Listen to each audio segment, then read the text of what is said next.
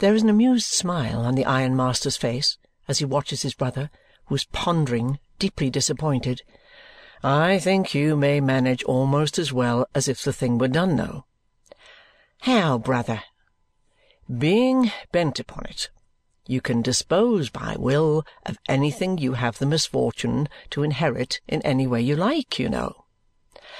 "That's true," says the trooper, pondering again.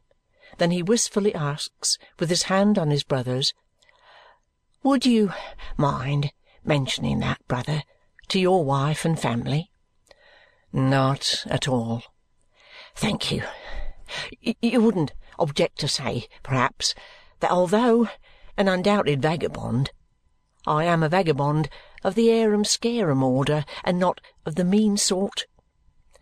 The ironmaster, repressing his amused smile, assents. "Thank you, thank you. It's a weight off my mind," says the trooper with a heave of his chest as he unfolds his arms and puts a hand on each leg. "Though I had set my heart on being scratched too."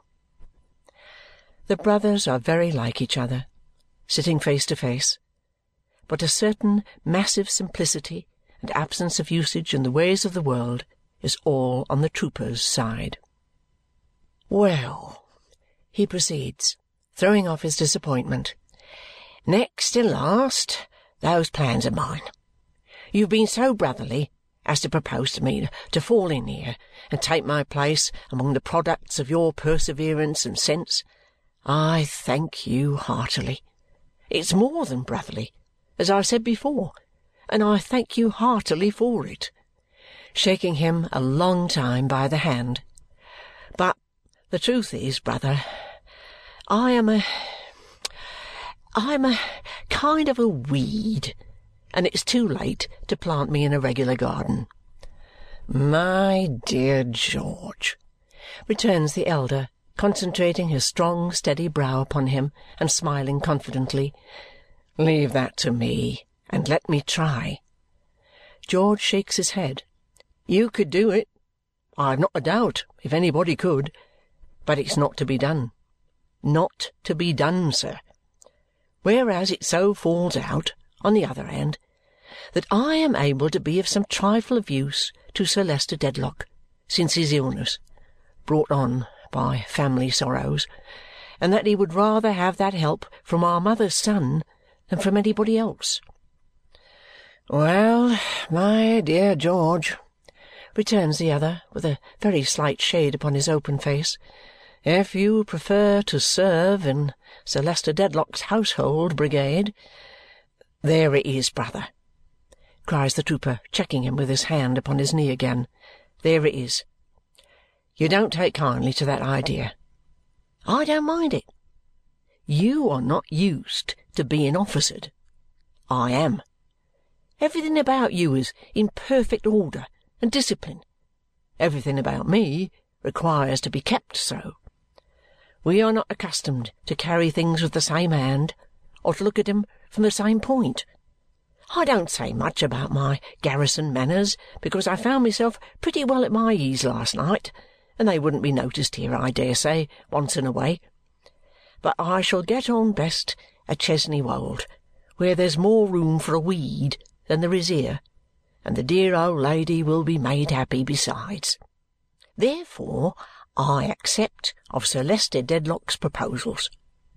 When I come over next year to give away the bride, or whenever I come, I shall have the sense to keep the household brigade in ambuscade and not to manoeuvre it on your ground. I thank you heartily again, and am proud to think of the Rouncewells as they'll be founded by you. You know yourself, George, says the elder brother, returning the grip of his hand and perhaps you know me better than I know myself. Take your way. So that we don't quite lose one another again, take your way.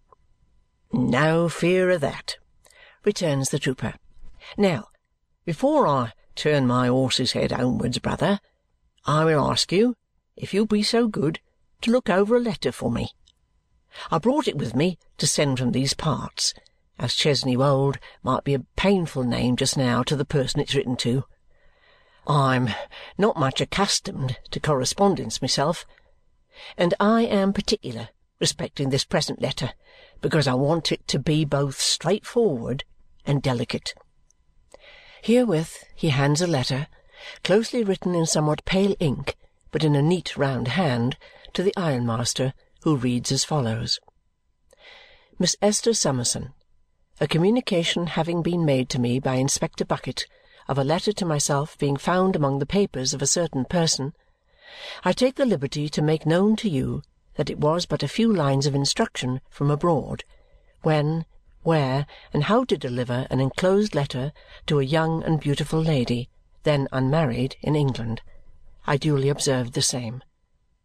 I further take the liberty to make known to you that it was got from me as a proof of handwriting only, and that otherwise I would not have given it up, as appearing to be the most harmless in my possession without being previously shot through the heart. I further take the liberty to mention that if I could have supposed a certain unfortunate gentleman to have been in existence, I never could and never would have rested until I had discovered his retreat and shared my last farthing with him, as my duty and my inclination would have equally been. But he was, officially, reported drowned, and assuredly went over the side of a transport ship at night in an Irish harbour within a few hours of her arrival from the West Indies. As I have myself heard both from officers and men on board, and know to have been officially confirmed.